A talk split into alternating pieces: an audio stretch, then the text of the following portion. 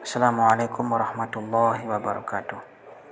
Bismillah, alhamdulillah, wassalatu wassalamu ala rasulillah Muhammad ibnu Abdillah wa ala alihi wa ashabihi wa man wala la hawla wa la quwata illa billah amma ba'd. Hadirin jamaah ranting Muhammadiyah Desa Gebang Utik yang insyaallah dimuliakan oleh Allah Subhanahu wa taala Izinkan pada kesempatan kali ini saya berwasiat untuk diri saya pribadi. Wasiat yang paling utama dan pertama adalah wasiat takwa. Takwa dalam arti yang sebenar-benarnya takwa. Takwa dalam artian mentaati perintah Allah Subhanahu wa taala dan menjauhi sekuat tenaga apa yang dilarang oleh Allah Subhanahu wa taala.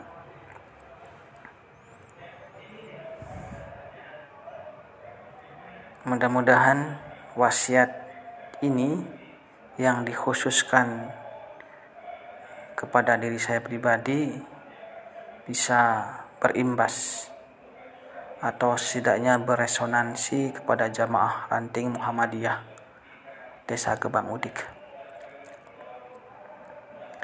Kata puasa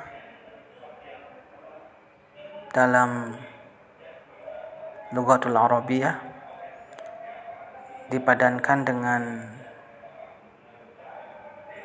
kalimah saum.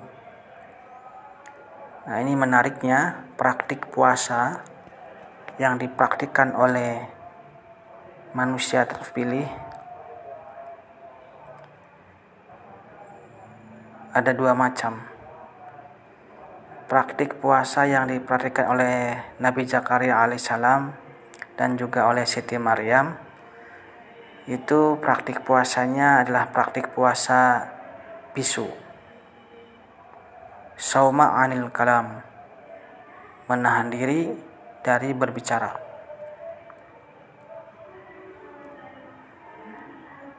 Nabi Zakaria alaihissalam itu mempraktikkan ketika eh, beliau mendapatkan kabar gembira eh, yaitu berpuasa selama beberapa hari yaitu puasa tidak berbicara.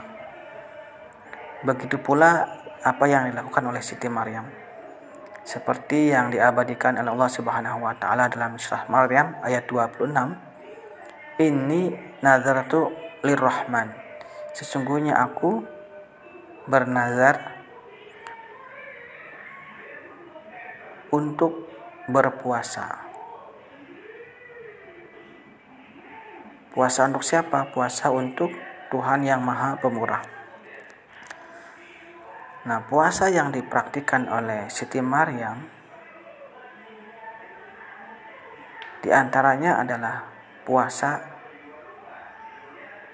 sauma'al kalam. Tidak berbicara.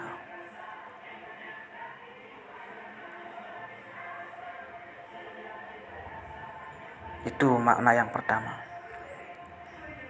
Kemudian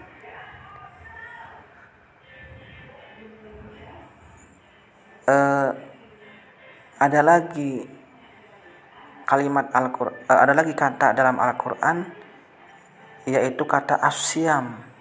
Nah, ini kalau tadi uh, saum dimaknai sebagai menahan diri, kemudian yang kedua asyam seperti yang dinukil dalam surah Al-Baqarah ya ayat 183. Ya ayyuhalladzina amanu kutiba alaikumusiyam kama kutiba alal ladzina min qablikum la'allakum tattaqun.